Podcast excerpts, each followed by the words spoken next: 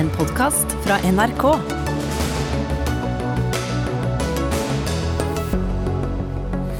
Varslere på innsiden av Mattilsynet sier de verken har tid eller ressurser til å drive nettopp tilsyn. Til oss kommer både sjefen for Mattilsynet og den nye landbruksministeren.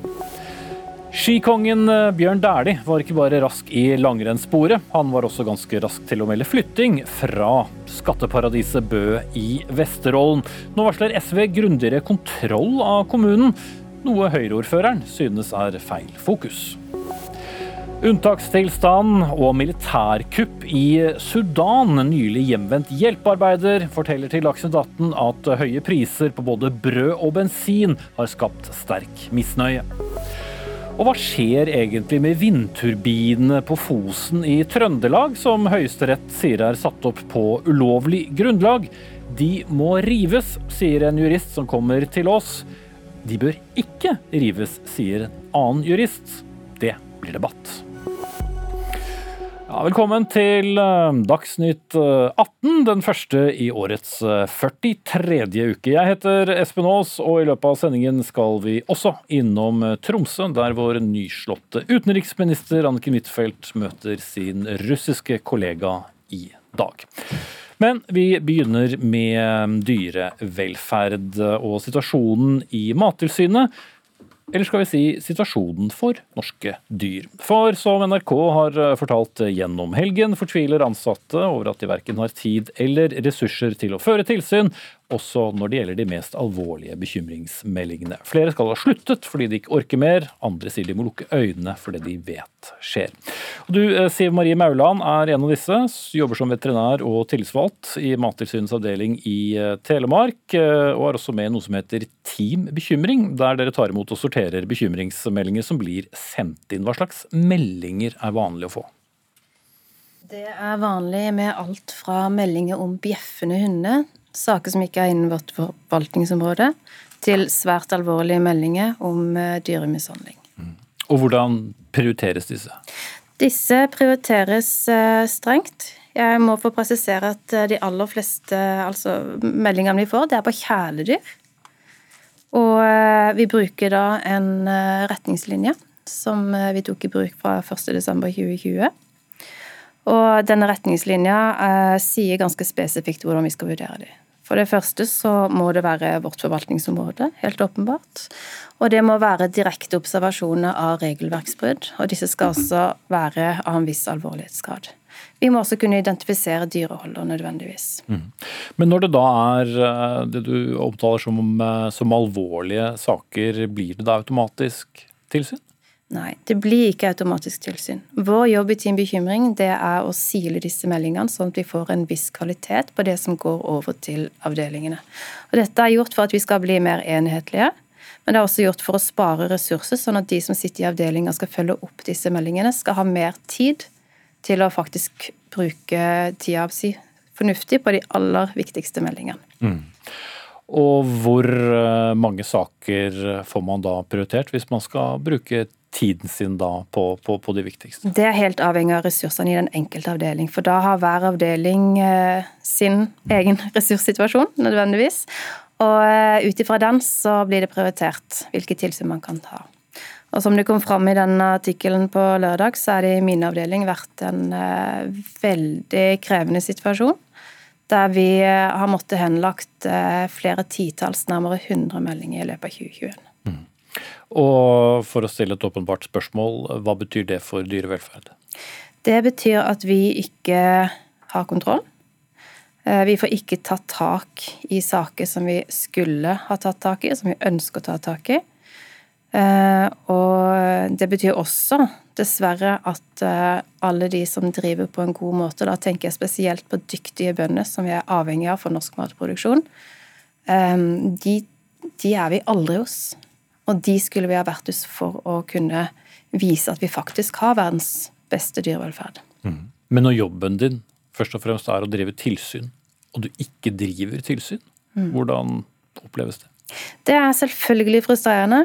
Og eh, nå i 2021 så har jeg da altså mista tre kollegaer. Det kommer tre nye kollegaer. Den ene har allerede kommet, men det er da én som har en 50 %-stilling. Den andre er også en 50 %-stilling som kommer i januar. Og så er det en utlyst 100 %-stilling som i praksis blir en 80 %-stilling. Mm. Og da er det jo sånn at når du har en eh, stilling med, i Mattilsynet, så vil det en tredjedel av den stillinga i praksis gå til å eh, delta på møte, holde seg oppdatert, lese mail, sånn at du har sånn ca. to tredjedeler med aktiv tilsynsproduksjon. Så når du erstatter en 100 %-stilling med to 50 %-stillinger, så blir det mindre effektivt. Mm. Mm. Og en ting er jo det du snakker om som da uh, alvorlige uh, bekymringsmeldinger, men mye av dette handler vel også om forebygging? Absolutt. Det å forebygge er jo den mest ressurseffektive måten vi kan jobbe på, i tillegg til at det er det absolutt eh, beste for både dyr og folk.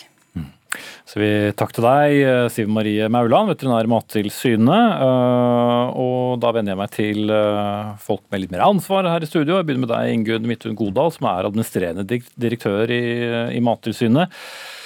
Dette var én beskrivelse, og gjennom helgen så har vi publisert uh, lignende. Uh, hva synes du om uh, egen evne til å drive tilsyn? Først så vil jeg si at den situasjonen som kommer fram, skaper bekymring hos meg. Det er en situasjon som også har blitt beskrevet gjennom dialog internt. og vi har også fått... Så du visste om det? Jeg har visst om det, ja. Og jeg har også fått brev fra ansatte i andre avdelinger som beskriver tilsvarende forhold. Mm. Som øverste sjef, hvordan møter du det? Jeg møter det med at jeg er opptatt av en åpen dialog. At jeg tenker at vi trenger å vite om eh, hvordan situasjonen oppleves fra ulike perspektiver, for at vi skal ta tak i det på en ordentlig måte. Og så går det inn på meg at eh, både i forhold til dyra og i forhold til medarbeiderne våre, når det er så alvorlige forhold som beskrives som det gjør i de sakene nå i helga. Mm. Jeg vil bare sitere fra artikkelen. Flere av Mattilsynets kontorer legger nå bort over 90 90 av prioriterte meldinger uten å reise på fysisk tilsyn. Ja, og det gjelder jo heldigvis ikke alle avdelinger i Mattilsynet, men det gjelder i noen avdelinger, og Siv Marie Mauland har vist et eksempel på en av dem. Og For meg har det vært viktig å forstå hva er de bakenforliggende årsakene til at vi er i den situasjonen vi er i. Og det er én at Mattilsynet over mange år har fått mindre budsjetter og dermed færre ansatte, også på avdelingene rundt omkring i landet. Vi fikk betydelig kritikk i 2019, som gjør at vi har gjennomført tiltak både for å sikre kvalitet, men også å øke dokumentasjonen eh, på hver enkelt tilsynssak. Og Det er viktig både for dyrs rettigheter, men også for rettssikkerheten til de som er involvert i sakene. Men det involverer da mer byråkrati også, og som det, tar mer tid? Fra mitt perspektiv så involverer det nødvendig byråkrati med tanke på at vi skal sikre både dyrs rettigheter og rettssikkerheten til de som er involvert i saken. Mm, men hver sak krever, bare for å få poengtert det, da, så krever hver sak også mer ressurser ut fra de ressursene som dere har tilgjengelig? Det er riktig. Og så opplever jeg at i den situasjonen vi har vært i de siste to årene, at det har krevd unødvendig mye ressurser. Fordi de arbeidsverktøyene vi har, ikke har vært godt nok tilpassa den nye måten vi jobber på. Så Det betyr at ansatte må forholde seg til mange ulike systemer, og at det er mer krevende å jobbe effektivt enn det var tidligere. Og Det er noe av det som vi jobber med å ta tak i. Og så er det også sånn, fra mitt perspektiv, og jeg syns Siv Marie Mauland la fram eh, perspektivet fra medarbeidernivå på en veldig god måte. Men fra mitt perspektiv så er det jo også da sånn at vi må tilpasse den aktiviteten vi har til de ressursene vi har tilgjengelig. Og da er vi nødt til å prioritere veiledning og dialog for å sikre at alle kjenner til hva regelverket krever, men også å prioritere tilsynsressursene inn på de områdene hvor det er mest sannsynlig at vi finner regelverksbrudd. Og Det betyr at medarbeiderne våre eh, må jobbe mest med de tyngste sakene, og det er en veldig tøff jobb. Og de tyngste sakene krever også mer tid enn de enklere sakene. Mm. Men kunne dere prioritert annerledes internt i, i Mattilsynet? Jeg vet at uh, Det enkleste er alltid å peke på at man har for få ressurser, men har dere gjort god nok jobb internt? Jeg tenker at alle kan bli bedre. Det kan også jeg, og det kan også Mattilsynet. Og så har vi et veldig stort samfunnsoppdrag, og vi har ansvar på veldig mange områder. Og vi forsøker å prioritere de ressursene vi har på best mulig måte. Mm.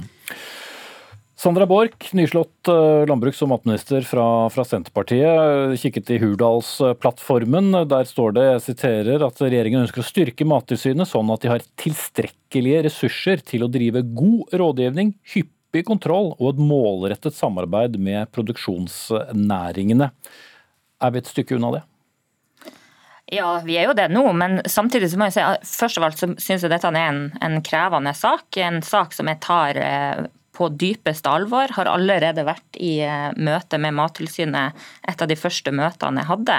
Så dialogen opp mot Mattilsynet blir, blir viktig nå framover, også for å følge opp en del av de tiltakene som allerede er satt i gang. Og så har jo Godal Mattilsynet hele tida vært tydelig på at, eh, at, det er manglende ressurser i Mattilsynet. Og Da mener jeg, eh, og at det er bra at det står i Hurdalserklæringa som første punkt under dyrevelferd, at vi skal styrke Mattilsynet.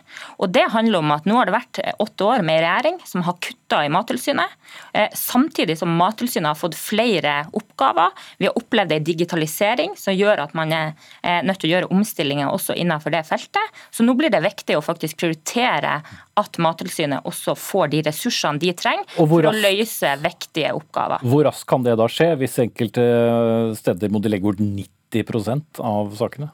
Nå vil jeg si at Den granskingsrapporten som kom i 2019 også, eh, også, er et viktig verktøy i den jobben som skal gjøres. Og så er det klart at eh, Nå har jeg sittet bare ei uke i, i, i, i stolen som landbruks... Jo, jo, men dere pekte ut dette som et ja, satsingsområde før du tiltrådte. Matminister, men jeg skal ikke gå inn i, forhandlingene om, om verken budsjetter eller, eller eh, fram, eh, framtidige budsjetter. Eh, men at dette er en prioritert sak i Hurdalserklæringa, det er det ingen tvil om.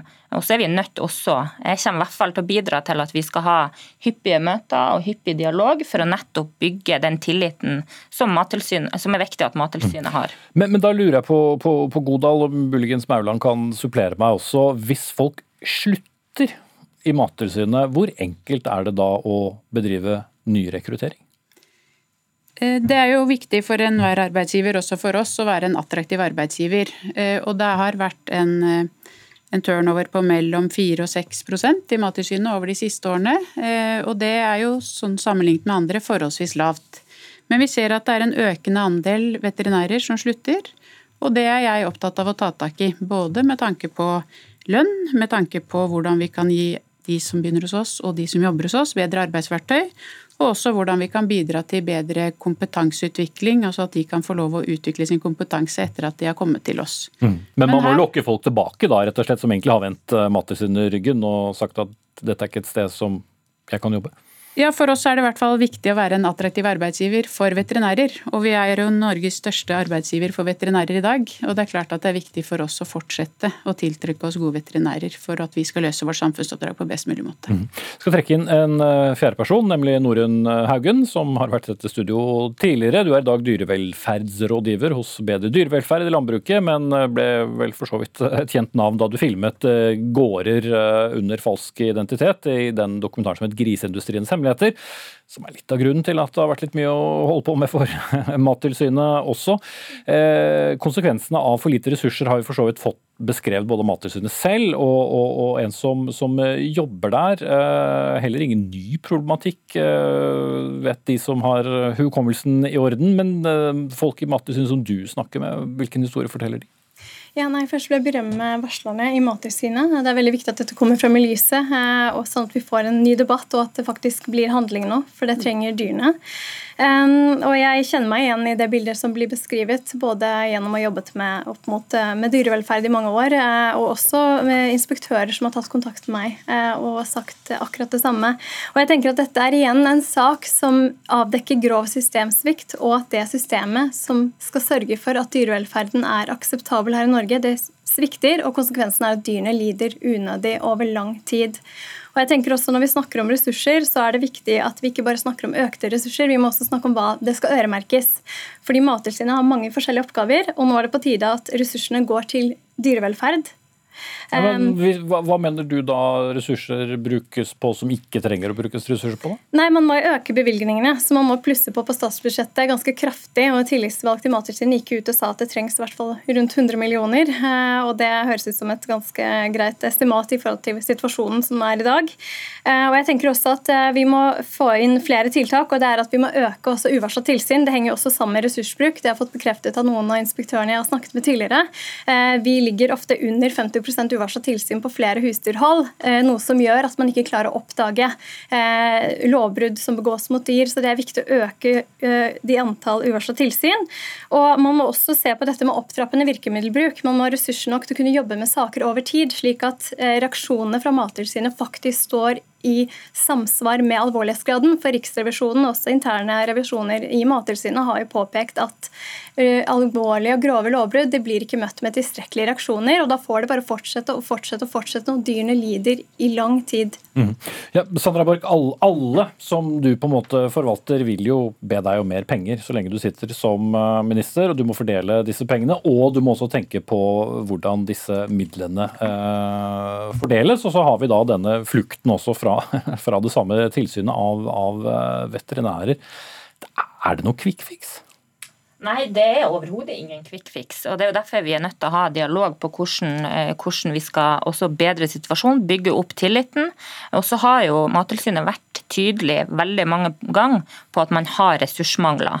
Eh, der, må, der er jo Hurdalserklæringa tydelig på at vi ønsker å styrke Mattilsynet, men vi ønsker også, har også et punkt med der om at vi ønsker å styrke veterinærtjenesten rundt omkring i hele landet. Det er også et, eh, et viktig poeng å ha med seg. Ved, ved, ved siden av Mattilsynet? Ja, ved siden av Mattilsynet. Og så vil jeg også si at vi må ikke glemme eh, at det er dyreeiers et ansvar å sørge for at dyrene har det bra. Og det er enten om det er en hund eller en katt, eller om det er et sauebruk. Mm. Eh, det må vi være påpasselige på. Og så må vi heller ikke glemme av at eh, Mattilsynet har veldig mange andre oppgaver òg. Eh, det er veldig mange oppgaver Mattilsynet eh, driver med som er viktig. Ja, Derav spørsmålet mitt om, om, prioritering. men jeg ser Tiden går løper litt fra oss, og jeg vil bare hente inn deg en gang til, Haugen. Fordi du mener også at det bør skje en oppsplitting av Mattilsynet ja. for å bruke Mattilsynet på en bedre måte. Forklar kort hva dine tanker er, og så skal Borch få svare på det. Ja, nei, jeg tenker at Det har vært avdekka såpass mange systemfeil over tid nå at nå må vi komme dit hvor vi deler opp Mattilsynet. slik at vi får et uavhengig dyrevelferdstilsyn som legges under Klima- og miljødepartementet, der man legger inn alle ressurser på dyrevelferd, og der også tilsynet skånes mot næringsinteresser som står sterkt i Landbruksdepartementet. Sånn ja, du, du, du mener at landbruk og da herunder bøndene eh, har for sterk innflytelse? Jeg har mye dokumentasjon som viser, viser, det, og jeg tenker at det er viktig at Mattilsynet er der for dyrene hovedsakelig. At er, dere skal være dyrenes advokater. Det er viktig at de prioriteres først av alt. Mm. Skal vi kommentere det til slutt, kommentere det til slutt, Borch? Ja, jeg tror ikke det å bygge opp et helt nytt tilsyn fra scratch av eh, vil, eh, vil nødvendigvis bedre situasjonen på, på, kort sikt. Jeg tror vi skal eh, fortsatt bygge på den kunnskapen, eh, kompetansen som er i Mattilsynet. Og så handler dette til syvende og sist om ressurser.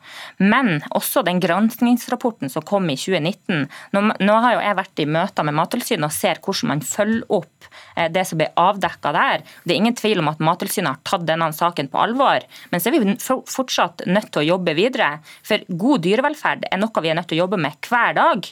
Eh, også framover. det vil skje også i, i, i lang tid framover. Sånn at, eh, sånn at dette er jo noe vi er nødt til å forbedre hver dag. Men, så, men, men påstanden om at eh, landbruksinteressene veier for tungt? Eh, nei, det er jeg for så vidt uenig i. fordi at jeg mener at landbruk og god dyrevelferd henger, henger sammen, og bør henge sammen. Mm, men det er veldig eh, dyrt å drive gårdsdrift og stordrift, særlig på, på dyr, og, og, og, samtidig holde dyrevelferden høyt, har jo flere bønder sagt også mens vi har gjort disse sakene.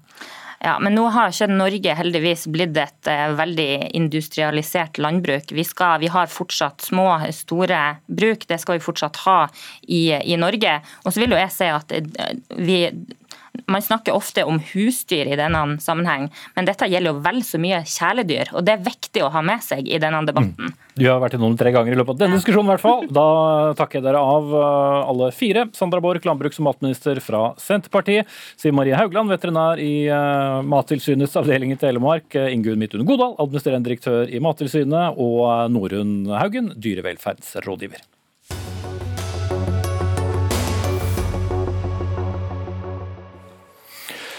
For eh, bare noen få minutter siden møtte, startet møtet mellom utenriksminister Anniken Huitfeldt og hennes eh, russiske kollega ringreven Sergej Lavrov på deres møte i Tromsø. Og Forholdet mellom Norge og Russland fremstår jo tidvis som mer enn anspent når vi følger det politiske bildet, både her hjemme og i Nato. Derfor danner temaer som spionasje og sikkerhetspolitikk deler av bakteppet under dette dette møtet, som skjer forut for eh, ministermøtet i Barentsrådet i morgen, hvor Norge altså er vertskap. Og vår reporter Gro Holm, du følger utenriksministermøtet i Tromsø, som akkurat har startet. Eh, har de sagt noe på forhånd om hva som blir viktig tematikk her? Nei, Det de har sagt, eh, er at det, det viktigste her er å bli kjent. Eh, det er første gangen de to møtes. og Det er snakk om en eh, utenriksminister som har vært utenriksminister i 17 år, som møter da Anniken Huitfeldt, vår helt ferske utenriksminister. Hun har eh, drevet mye med utenrikspolitikk. Ledet utenrikskomiteen i åtte år og har vært statsråd, flere, hatt flere statsrådsposter. Men som utenriksminister er hun fersk. Og Nå holder de altså på bak en lukket dør. Jeg har fotografen min der inne, og jeg står utenfor. Vi, vi ser bildene, vi som følger sendingen på TV, Gro. ja. Men det er altså, vi, vi, vet veldig lite om hva slags samtaler som, eh, som pågår. Ja, det er, eh, det er altså et bli kjent-møte. Og så kommer man helt sikkert til å diskutere en del bilaterale ting som eh, fisk, samarbeid når det gjelder skog, miljø og klima, samarbeid når det gjelder ressurser i havet. Det er helt sikkert som kommer opp. Så vet vi ikke om Anniken Huitfeldt kommer til å ta opp den stadig trangere ytringsfriheten i Russland. Det, det vet vi ennå ikke. Så ehm, det blir veldig spennende å høre om Lavrov også har noe med seg i, i kofferten, så å si, som et initiativ eller noe som, eh, som gjør at han kan komme på offensiven i, i denne veldig vanskelig spente internasjonale situasjonen. Mm. Og Nylig utviste jo Nato åtte russiske diplomater, anklaget dem for spionasje, som fikk da Russland til å midlertidig avslutte alt samarbeid i, i Nato-Russland-rådet, noe Huitfeldt har omtalt som beklagelig. Er det grunn til å tro at eh, dette vil vil eh, bli tema, eller spares det til andre anledninger? Jeg tror eh, ikke det blir noe viktig tema, i hvert fall. Nå har Lavrov på forhånd eh, sagt, eh, det har ligget ute en uttalelse på det russiske utenriksdepartementets hjemmeside, han har sagt at samarbeidet, dette Barentssamarbeidet er det mest vellykkede flernasjonale samarbeidet i det nordlige Europa, som har vist seg å ha en slags immunitet overfor de konflikter som til enhver tid måtte gjøre seg gjeldende på det storpolitiske, sikkerhetspolitiske planet. Så Det tyder jo på at han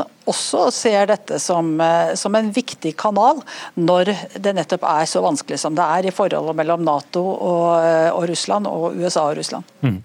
Så vi takk til deg, eh, Gro Holm, som følger dette møtet videre. og Så får vi se om de to ministrene er, er ferdig til i hvert fall Dagsrevyen, eventuelt andre nyhetssendinger her i NRK utover kvelden. Men da har vi to gjester her i studio. Jeg begynner med deg, Andreas Østhagen, seniorforsker ved Fridtjof Nansens institutt og nordområdesenteret ved Nord universitet. Nå har det vært et eh, regjeringsskifte. I den foregående perioden har det absolutt blitt et langt mer anspent forhold, politisk i hvert fall, mellom Norge og, Russland. Vil et regjeringsskifte her hjemme endre særlig på det? Neppe. Altså Det er jo begrensa hvor mye Norge kan påvirke Russland. Altså Russland blir kanskje mer styrt av det som skjer i Washington DC eller i, eller i EU, altså i Brussel, enn det vi gjør her i Oslo. Altså, Russland er et stort land, har mange naboer, vi er et lite land. Så vi er nok mer opptatt av de enn de er opptatt av oss. Men det betyr jo ikke at man ikke skal prøve. og Hurdal-plattformen setter jo noen ambisiøse mål med tanke på å bedre det bilaterale forholdet til mm. Russland. Ja, bedre det sikkerhetspolitiske forholdet er vel rett og slett det som, uh, som står. Og vi er jo et Nato-land da med, med, felles grense, uh, som vi jo alle vet. Men i det noe anspente klimaet som nå har oppstått mellom eh, da, Nato og Russland, hvor, hvor, realistisk er det at eh, vi bilateralt kan uh, ha et litt hyggeligere forhold, uh, uten at vi også samtidig er en del av Nato? Altså, Internasjonal politikk er jo ganske kompleks. da. Jeg tror vi skal se på forholdet Norge-Russland som litt mer enn bare prega av sikkerhetspolitikk. Ja, det har vært mye av det siden 2014 spesielt, men det er mange andre, andre områder som altså Gro Holm også peker på, hvor man kan samarbeide. Annike Huitfeldt har jo sjøl prata om det her i studio i går og tidligere, at det er områder om ressursforvaltning, om det er skogforvaltning, om det er næringsliv, folk-til-folk-samarbeid, utdanning, forskning. og Alle de tingene kan samarbeides på, selv om det er anspent sikkerhetspolitisk. Så det er litt mer enn bare ja eller, eller nei til mm. Russland. Mm. La oss snakke litt mer om dette anspente sikkerhetspolitiske forholdet. Odin Johansen, direktør ved Næringslivets sikkerhetsråd, eh, for bl.a. på bakgrunn av rapporter fra dere så avslørte Dagens Næringsliv nå i helgen at russiske fartøyer også systematisk har kartlagt sivil norsk infrastruktur, som strøm og kommunikasjonsledninger og rørledninger for olje og gass, på norsk sokkel. Hvorfor bekymrer det næringslivet, som du representerer da? Vi eh, tar utgangspunkt i myndighetene sine trusselvurderinger. Og så prøver vi å gjøre de om til eh, et håndgripelig språk for næringslivet.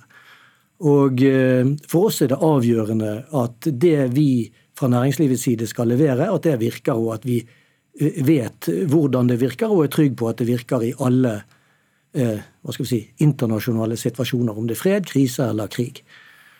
Og eh, det vi gjorde da, var jo også å se på rapporter vi fikk fra våre medlemmer, og holde de opp mot disse trusselvurderingene. Og så ser vi da, eh, da ting som vi mener ikke akkurat eh, underbygger den fredelige sameksistensen som vi selvfølgelig skulle ønske at vi hadde. Mm. Og, og Hva slags meldinger er det dere får inn? Ja, Det er bekymringsmeldinger fra medlemmene våre knyttet til aktivitet som de observerer når de løser sine oppgaver, f.eks. inspeksjon av infrastruktur på norsk sokkel. Mm.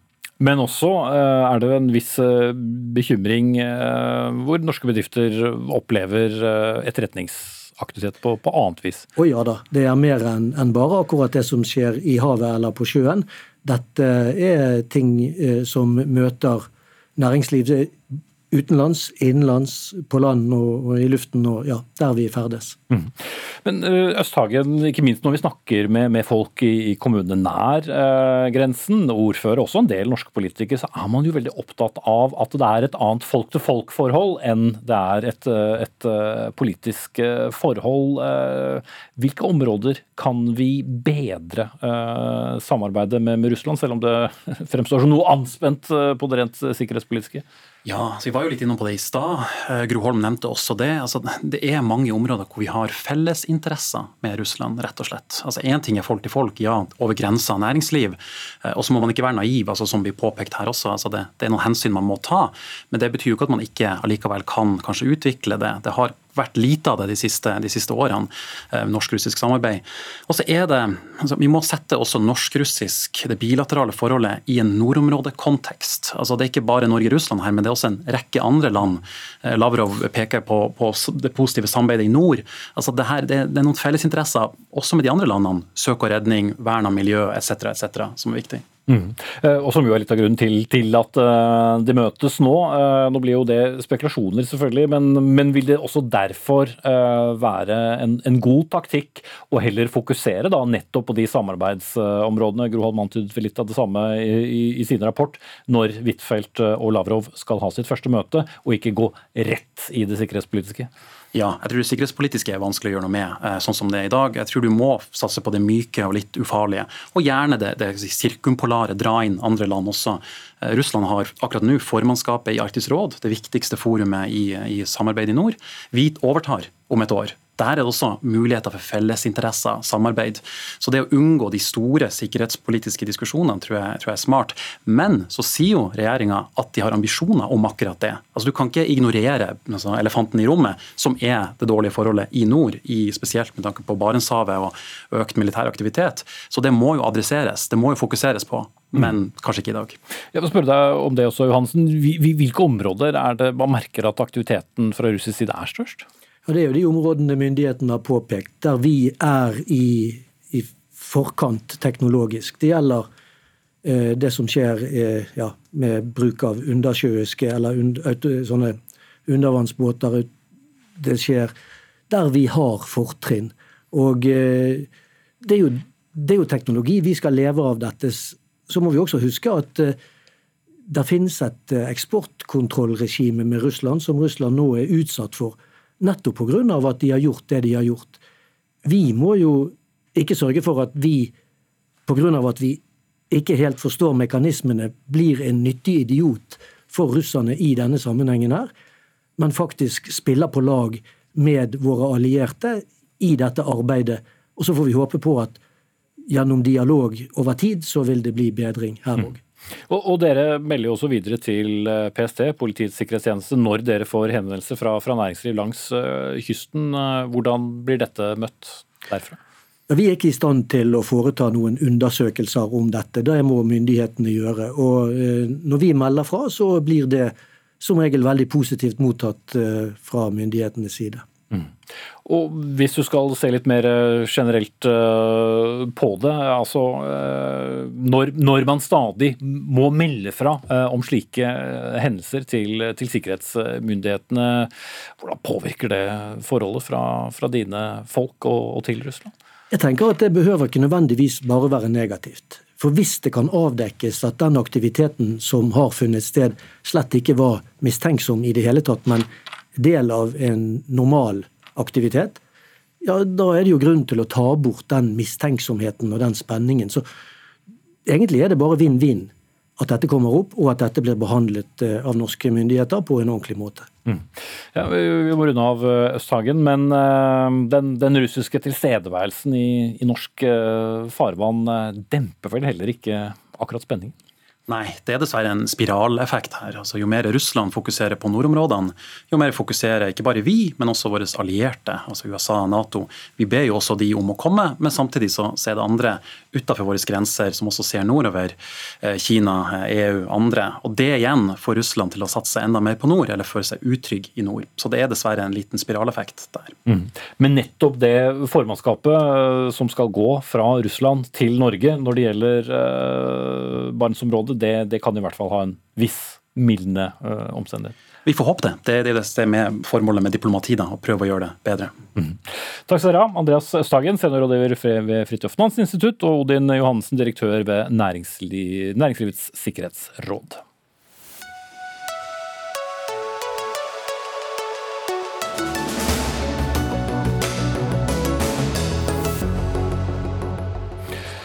Hva bør skje med de omstridte vindturbinene på samisk grunn eh, på Fosen i Trøndelag, som ifølge Høyesterett ble satt opp eh, ulovlig? Vel, det skal to jurister debattere mot slutten av eh, Dagsnytt 18.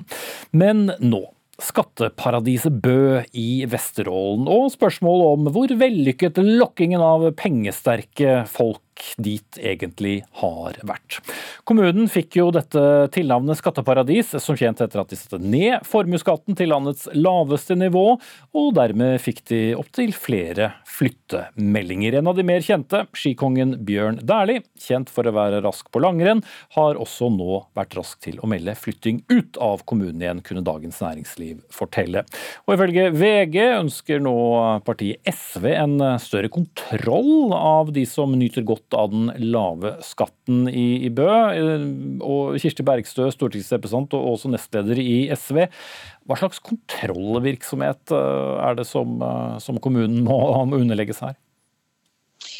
Det er jo skatteetaten som har ansvaret for om de reglene som finnes blir holdt. Uh, og Derfor så er det dem uh, som det er naturlig at uh, tar de undersøkelsene som må, må, gjøres i Bø. Nå ble det nevnt at Dæhlie flytter ut. og det har jo vært rapportert i media også fra lokalbefolkninga at en del av de millionærene og milliardærene som fant veien til Bø når de kunne mindre i, betale mindre i formuesskatt, ikke nødvendigvis har vært så mye i lokalsamfunnet. Da har ordføreren gått ut og sagt at han skal følge nøye med og se hvem som beveger seg rundt i samfunnet og er til stede der og ikke. Eh, det mener vi at skatteetaten skal ta seg av, så kan ordføreren gjøre sin mm. jobb. Men uh, ut fra det du sier nå, Kirsti Bergstø, så skjønner jeg ikke helt hva som skal endres. For som du selv sier, så har jo skatteetaten eh, dette ansvaret. Skal, skal de følges spesielt opp på at de er seg sitt ansvar bevisst, eller uh, hva er det dere tenker? Ja, det det vi ønsker, at eh, det blir en eh, gjennomgang for å se om eh, folk faktisk bor og oppholder seg der de er registrert. Sånn at man vet at det er reelle bosetting og etableringa det er snakk om. Nå har jo SV foreslått å fjerne muligheten til den ordninga, sånn at det ligger fast hva den kommunale delen av formuesskatten skal være. Og Det er jo fordi at det er en grunnleggende usolidarisk ordning å bruke pengene som kunne vært inntekter for kommunene og gått til velferd og tjenester i lokalsamfunnet, til å rett og slett gi gavepakker til styrtrike mennesker. Da er det på tide å hente inn den øverste politisk valgte i kommunen, nemlig Høyre-ordfører Sture Pedersen. Bør vi ha en ekstra kontroll med de som melder flytting inn og ut av ditt såkalte skatteparadis? Jeg syns faktisk at SV skulle være med og hatt kontroll på hva faktisk man prøver å skape her ute, og det er nye arbeidsplasser til vårt lokalsamfunn.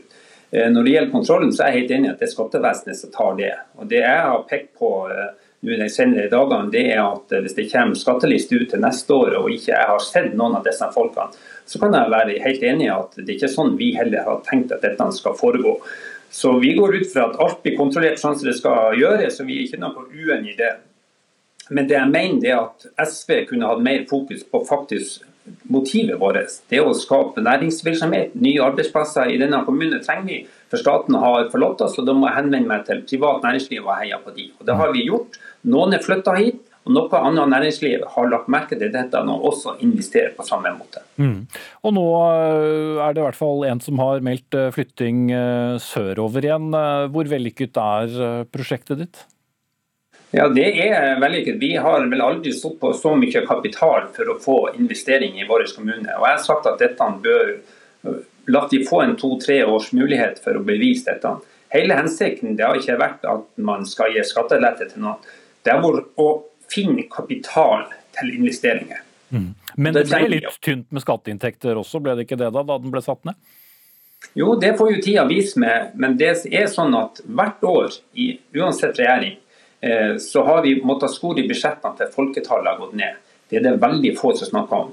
Nåværende regjering som vi har hatt, og Erna, har aldri gitt så mye til Kommune-Norge. Men det hjelper ikke å gi mye til Kommune-Norge. Det blir denne regjeringa også å erfare hvis folketallet går ned. Derfor prøver vi å skape noe sånn at vi skal skape nye arbeidsplasser og få stabilisert folketallet og igjen få det opp. Og Det er det vi er i ferd med å gjøre. Mm. Ja, Bergstø, bør vi ikke applaudere at uh, kommuner uh, som, som, trenger investeringer, uh, prøver? Jeg skjønner godt at frustrasjonen i distriktene er stor etter mange år med en sentraliseringspolitikk. Men veien å gå er jo ikke å ha et kappløp om hvem som kan sørge for at de aller rikeste skal betale minst tilbake til samfunnet. Eh, da trenger vi en aktiv næringspolitikk og en eh, aktiv distriktspolitikk. Og Det er jo derfor det er viktig å ha treffsikre ordninger, sånn som å styrke de kommunale næringsfondene, eh, regionale utviklingsmidler, at vi har en ny kurs i fiskeri- og landbrukspolitikken, i tillegg til å styrke kommuneøkonomien. Og Vi ønsker jo også næringsutvikling i distriktene. Det er derfor vi foreslår aktive grep for å få til det. og ønsker bl.a. at man skal få muligheten til eh, direkte støtte når man etablerer seg. Men det er noe helt annet eh, enn å si at dem som er aller, aller mest, ikke skal bidra med sin eh, del til samfunnet. Ja, men Det er vel noe forskjellige det... ting. Hvor mye man betaler i formuesskatt og hvor mye man eventuelt investerer i en ny kommune man flytter til. Så er det ikke litt tidlig å konkludere hvorvidt dette var mislykket? Nei, det syns jeg ikke. Fordi vi har jo sett at når eh, Bø har eh, tapt skatteinntekter, så har de eh, fått hjelp fra høyreregjeringa som har kompensert for det. Og Det betyr jo i praksis at de tar fra alle andre kommuner og velferden over alt ellers i landet vårt, og støtter opp under at Bø skal kunne gi de velbemidla folka som plutselig fant sin interesse for det lokalsamfunnet, Eh, at de skal eh, fortsette å ha redusert formuesskatt. Mm. Det er jo sakens kjerne. Det er dårlig distriktspolitikk, det er dårlig næringspolitikk, eh, og det er dårlig for omfordelinga i samfunnet. Pedersen. Nå ble det en ren debatt rundt selve formuesskatten. Eh, jeg har ikke møtt noen av disse, eller for øvrig privat næringsliv, som ikke sier at de ønsker å betale skatt, men de ønsker å betale på en litt annen måte enn formuesskatt. Men la nå det ligge. Vårt motiv hele tida har vært å skape og få tak i kapital. Og Det er det vi er i ferd med å gjøre. Vi er nødt til å gjøre noen grep. Jeg har vært ordfører i ganske mange år og drevet politikk i over 30 år i lokalsamfunnet med forskjellige typer regjeringer. Dette er et av de mest effektive eh, metodene vi har gjort for å få tak i næringsliv som ønsker å satse. Både de som har flytta hit, men også annet næringsliv som heier på oss og sier de skal investere pga. at vi har løfta denne type debatt. Jeg, jeg skjønner du er optimistisk på, på, på fremtiden, men, men du, kan du i dag slå i bordet med at dette faktisk har vært vellykket, i og med at du har måttet be, be om litt hjelp for å fylle opp eh, for manglende skatteinntekter? Ja, nå er det sånn at Foreløpig har vi ikke fått noe konkret hjelp fra staten i forhold til dette. Det har jo sagt man skal se på hvordan dette skal gå. Eh, og så er det sånn at Dette prosjektet starta 1.1 i år, og det går en tid for å få alt på plass. Men hvis vi tar utgangspunkt i de aktivitetene som vi opplever på teknisk etat, med søknad om fradeling, nye byggetomter, nye godkjenninger, nye bygg, spesielt innenfor turisme, så har det vært en suksess. Vi har femdobla byggesøknader i forhold til dette. Nybygg i vår kommune har ikke vært til stede, altså boligbygging eh, har ikke vært til stede de siste 10-20-30 årene. I år er det enten påbegynt eller vi starta opp ca. mellom 30 og 40 nye boliger. Så dette har skapt optimisme, i hvert fall. Og vi er i full gang med å skape arbeidsplasser. Vi får se hvor mye klingende mynt det blir av denne optimismen. Ingen grunn til å sture hos Sture Pedersen, ordfører i Bø. Og vi hørte også Kirsti Bergstø, stortingsrepresentant eh, fra SV, som uh, altså ønsker at skattemyndighetene følger ekstra godt med for å se hvem som er der de sier de har flyttet til.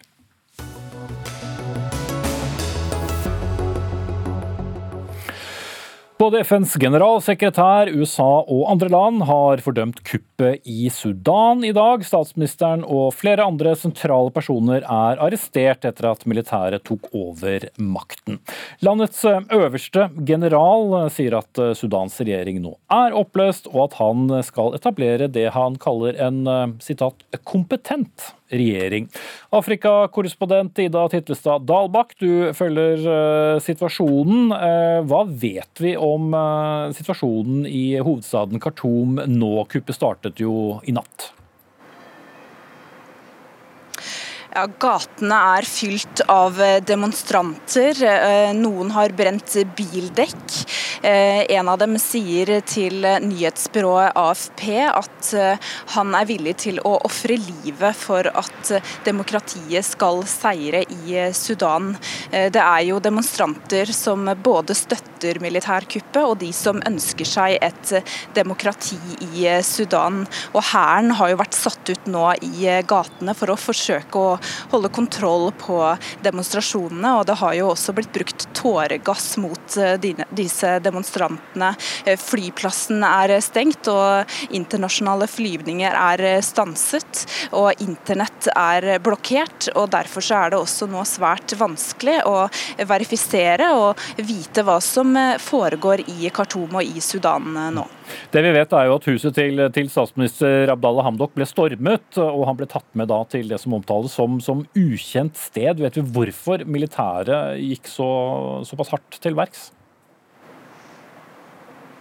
Det har jo vært en splittelse i eh, den politiske ledelsen i Sudan som har vokst seg sterkere den siste tiden. I september var det jo et eh, forsøk på et eh, militærkupp, og nå ser vi jo at det har skjedd et militærkupp, i alle fall ifølge disse meldingene som kommer ut. Det jo, har jo vært en overgangsregjering som har bestått av både de som er altså både militære ledere og sivile ledere. og Nå ser vi da at det har vært vanskelig å samarbeide, og at militæret rett og slett har gått så kraftig til verks at man avsetter og arresterer og setter statsministeren i husarrest som følge eh, trolig av denne splittelsen i overgangsregjeringen. Mm.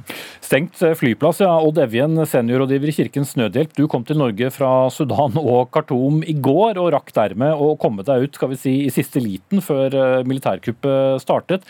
Merket du at noe var på gang? Ja, definitivt. Vi hadde jo en veldig stor demonstrasjon på torsdag, hvor eh, det sivile samfunn mobiliserte i eh, hundretusentall mot militær, eh, de militære lederne, som jo også har en type støtte fra noe av sivilt samfunn. Altså Det er en kamp mellom sterke interesser, og det militære prøver å si at Hamdok, de sivile myndighetene, har ikke kontroll. Vi må ha et, som du sier, et kompetent styre inn. Hva nå enn det måtte bety. Marjolin El-Tahir, du er leder for Sudanese Women's Union Norway, og kom fra Sudan til Norge for om lag 15 år siden. Hvordan reagerer du på nattens hendelser? Um, det er veldig, veldig personlig. Uh, jeg er sint. Ekstremt sint. Og det er um, de aller fleste av sudanesere er veldig, veldig, veldig sint. Og vi vil ikke ha uh, militære i det hele tatt. Vi har vært i uh, demonstrasjoner, fredelige demonstrasjoner, i nei, nå er det tre år. Uh, sammenhengende, uten å stoppe for at vi får en demokrati, for at vi får en sivil uh, regjering, at vi, uh, vi, får et 100 sivil regjering. Og vi er veldig sinte. Og, og men, men hva er dere mest sinte for? for fordi fordi, uh, det, det, fordi vi kjemper en um, urett ikke lik makt mellom oss og de militære. De har alle økonomiske støtte, de, de, de, har kontroll over landets inntekter, de har kontroll over landets uh, våpen, og vi har ingenting, bare grasrot movement Eh, organisering, fredelige demonstrasjoner. Vi har våre stemmer, og vi har en penn og papir. Det er alt det vi har. Mm. Og Så blir det da, da møtt med militæret. Evjen, eh, Sudan ble jo selvstendig da helt tilbake i 1956. Men det har vel ikke bare vært eh, fryd og gammen frem til nå, men snarere en del uro? Ja, og det, denne, det, vi ser nå har jo et bakteppe av et militærstyre gjennom 30 år, med Bashir som ble avsatt i 2019. Da lykkes denne mobiliseringen som Magdalene snakker om. Men så har jo militæret Det er jo en militær kooperativ ettpartistat. De eier eh, all, eh, finans, gull, alle inntekter. Og vi så det nå. Hamdok må eh, gjøre økonomiske grep eh, for å få økonomien under kontroll. Mm. For det har vært galopperende priser på brød, bensin, og det er derfor det har vært mye uro? Ja. Og så ser vi da at nå havnebyen Port Sudan har vært blokkert eh, i flere uker. Det kommer ikke inn bensin, det kommer ikke inn hvete, det kommer ikke inn uh, medisiner. Dette er på en måte en alliansebygging mellom de militære og elementer i uh, allierte som ønsker et sterkere militærstyrt. De skaper en konstruert krise for mye større trykk på den sivile regjeringen. som Ida Tetlestad Dalbakk, eh, stadig med oss. Hvilke andre reaksjoner er, kommet på, på kontinentet over det som, som nå har skjedd? Den afrikanske union eh, fordømmer jo dette militærkuppet og krever nå at eh, disse politiske lederne blir satt fri. Eh, og FN og EU har jo gjort det samme, så reaksjonene har vært mange også her på det afrikanske kontinentet for å slippe disse politiske lederne fri og komme tilbake til denne overgangsregjeringen og et demokratisk styre i Sudan. Mm. Eh, Marcelin El-Tahir, som, som, Evjen var eh, inne på, så har det jo vært en vanskelig tid også under styret til, eh, til, til Hamdok. Men målt opp, for, opp mot militæret nå, hvor god støtte hadde han i befolkningen? stor støtte han har det, både fordi han, noen støtter Hamdok fordi de har tro på han som statsminister, og noen også de som er uenige med han, støtter han som et symbol for det vi kjemper for, og det er en sivil samfunn. Et sivil uh, styrt land. Og, og, men uh, han har også styrt å bli utpresset både internt av det militære, også um, eksternt. Og, og det, er, det, er, ingen hemmelighet at uh, Sudan i de siste tre årene har vært uh, styrt gjennom en, uh, et nett av naboland, Egypt, uh, United Arab Emirates og Saudi-Arabia, som blander seg inn i landets, i landets politisk Og de støtter de militære. Og, og, det har vært, det er ikke første uh, uh, statscoup, det er det andre. I juni 2019 var uh, lederen for, for um, det militære i, i Saudi-Arabia. Dager etter var det et massakre i Sudan. Mm. Så de liker ikke den demokratiske eh, prosessen? Nei, for, for, Egypt er ikke en demokrati. Saudi-Arabia er ikke en demokrati. United Arab Emirates er ikke en demokrati.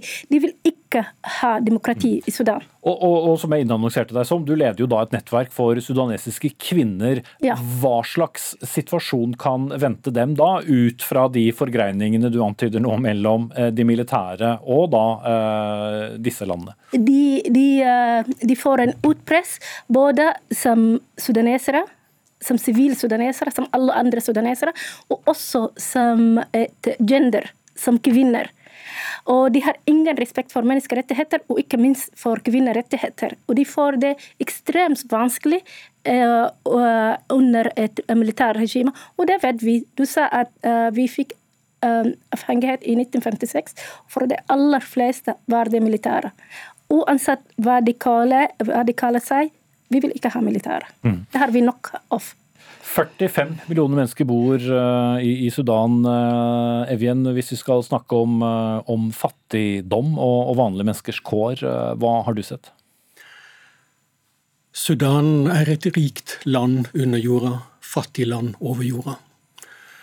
Og, og du har Nilen, du har gull, det er mye. Men det som vanlige folk opplever nå, er jo en en økende eh, økonomisk press eh, og, fattigdom. Kvinner, menn. De har jo mottatt veldig mange flyktninger nå fra Etiopia, fra Sør-Sudan, fra andre land. Og de har tatt imot dem med åpne armer. Økonomien er i ferd med å sprenges. Men det som Magdalene sier, vi vil aldri tilbake til militærstyret. Veien framover er dialog. Vi må snakke sammen. Eh, dette er jo en kunst som er vanskelig, men den er helt nødvendig i Sudan nå. Mm. Så får vi se hva slags dialog som, eh, som venter. Takk skal dere ha. Odd Evjen, seniorrådgiver i Beklager har ikke mer tid, Kirkens Nødhjelp, Majin El-Tahir fra sudanesiske kvinners eh, nettverk i, i Norge, og vår Afrikakorrespondent Ida Tittestad Dalbakk.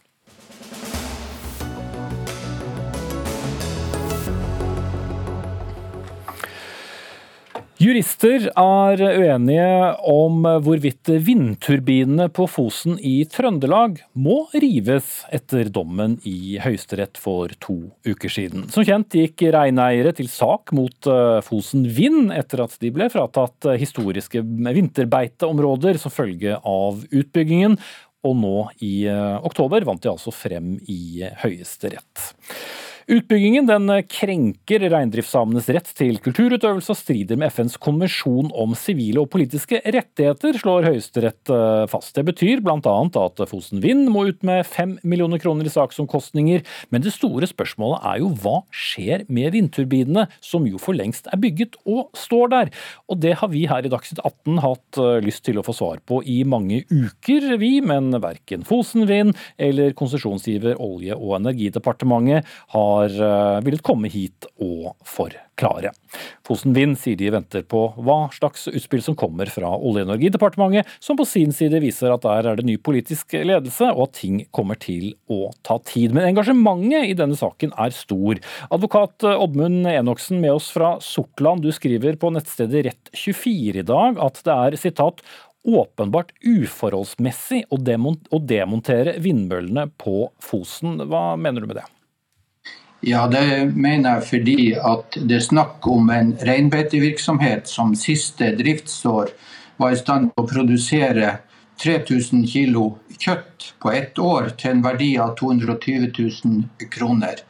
Oppimot det så har vi altså to vindkraftanlegg som det har kosta 6 milliarder kroner å bygge, som produserer årlig strøm til 100 000 husstander, og så gir årlig de to kommunene Åfjord og Ørlandet 40-50 millioner kroner i eiendomsskatt hvert år. Mm. Men da setter jo du opp økonomisk eh, gevinst mot da eh, de rettighetene som urfolk har? Ja, Man må gjøre en forholdsmessighetsvurdering. og Når uforholdsmessigheten blir stor nok, så vil det ikke være grunnlag for å gjennomføre Høyesteretts dom på den måten at man river de to vindparkene. Det som må gjøres, det er at det gås en ny runde, en ny konsesjonsrunde. og I forbindelse med den runden så vil det være mulig å stille nye vilkår om avbøtende tiltak. Man kan vurdere om det er mulig å finne erstatningsareal for de reinbeitearealene som blir berørt. Og man kan stille ellers andre vilkår som gjør at man kommer under den terskelen som gjelder etter konvensjonen om sivile og politiske rettigheter. Øyvind Ravna, professor i rettsvitenskap ved Universitetet i, i, Tromsø. Vi var vel flere som hørte deg i, i, helgen si det ganske motsatte. Du sa til NRK at eh, når et anlegg er oppført eh, ulovlig, ja, da er utgangspunktet at de skal fjernes. Ja, det er riktig. Utgangspunktet er at et ulovlig anlegg skal fjernes. Det være seg om det er snakk om en eh, hytte, et lite bryggeanlegg eller et stort eh, vindkraftverk. Eh, så er det jo slik som også Enoksen sier her, at her går en terskel for når et inngrep vil krenke retten til å utøve kultur for en minoritet og et urfolk. Slik at det er et spørsmål der hvor, altså, hva som eh, der skal gjøres. Mm. Ja, for Er det helt umulig da å, å beholde vindturbinene samtidig som man, eh, man innrømmer og ivaretar eh, samiske interesser i det samme området? Først må vi jo gripe fatt i, i Enoksens argument her om forholdsmessighet, og det må gjøres en ny forholdsmessighetsvurdering. Eh, det er jo greit at Enoksen er uenig i Høyesteretts dom, men eh, Høyesterett har grundig drøfta nettopp spørsmålet om forholdsmessighet.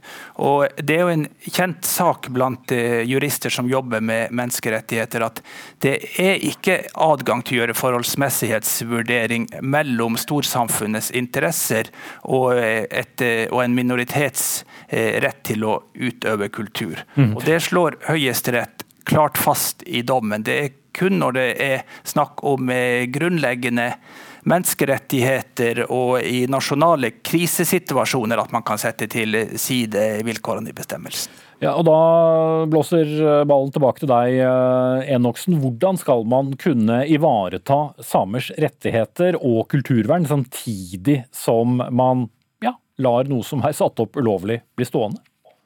Ja, For det første så er det slik at det skal skje en forholdsmessighetsvurdering når man skal vurdere hvordan man skal gjennomføre det som Høyesterett nå har bestemt. Og Hvis man i den vurderinga kommer fram til at det er uforholdsmessig og sterkt uforholdsmessig å gjennomføre riving, ja, så vil man ikke kunne gjennomføre denne rivinga. Da vil turbinene bli stående. Det er min vurdering, det er at man bør i dette tilfellet se på mulige avbøtende tiltak utover de tiltak som ble fastsatt i forbindelse med den forrige konsesjonsbehandlinga. Man må kort og godt gjennomføre en ny runde med konsesjonsbehandling. og se på Du skal slippe til, Ravna. Ja, altså her tar jo Enoksen utvilsomt feil. Det, det, der er ikke en skjønnsmargin, og der er ikke en forholdsmessighetsvurdering i FNs eh, eh, artikkel 27 i konvensjonen om eh, sivile eh, og politiske rettigheter. Det Enoksen her tenker på, det er kanskje den nasjonale ekspropriasjonslovgivninga, ordregningslova fra 1959, eller kanskje andre menneskerettighetsbestemmelser, slik som den europeiske konvensjonen om eh, Eh, den europeiske menneskerettighetskonvensjonens vern av eiendom. Men i dette tilfellet er det ikke en forholdsmessighetsvurdering som skal gjøres. For eh, slik som Enoksen allerede gjør i kronikken sin og stiller opp eh, en liten liten og marginale reindriftsbefolkning i det sørsamiske området opp mot et gigantisk kraftverk, så vil jo en slik forholdsmessighetsvurdering alltid gå i minoritetens disfavør. Og Det er nettopp derfor vi har en bestemmelse for å hindre at det kan skje. Hvis du klarer å svare veldig kort på det til slutt, Ravna, og du får ikke mer enn 20 eh, sekunder. Kan man redusere omfanget av anlegget og slik sett eh, beholde deler av det, og også ivareta samers rettigheter? Der er en terskel for når, når krenkelse foreligger. Eh, det, den, det, må man ta stilling til ut ifra andre fagkunnskaper enn den eh, jurister besitter. Så eh, ikke se, man kan ikke se bort ifra at det går an å redusere dette. Ok, Da tar jeg det som svar, så vi venter på Olje- og energidepartementet. Takk til Øyvind Ravna, professor i rettsvitenskap ved UiT, og advokat Oddmund Enoksen. Gro Arneberg hadde ansvaret for sendingen. Hanne Lunås tok seg av det tekniske. Jeg heter Espen Aas. Vi er tilbake igjen i morgen.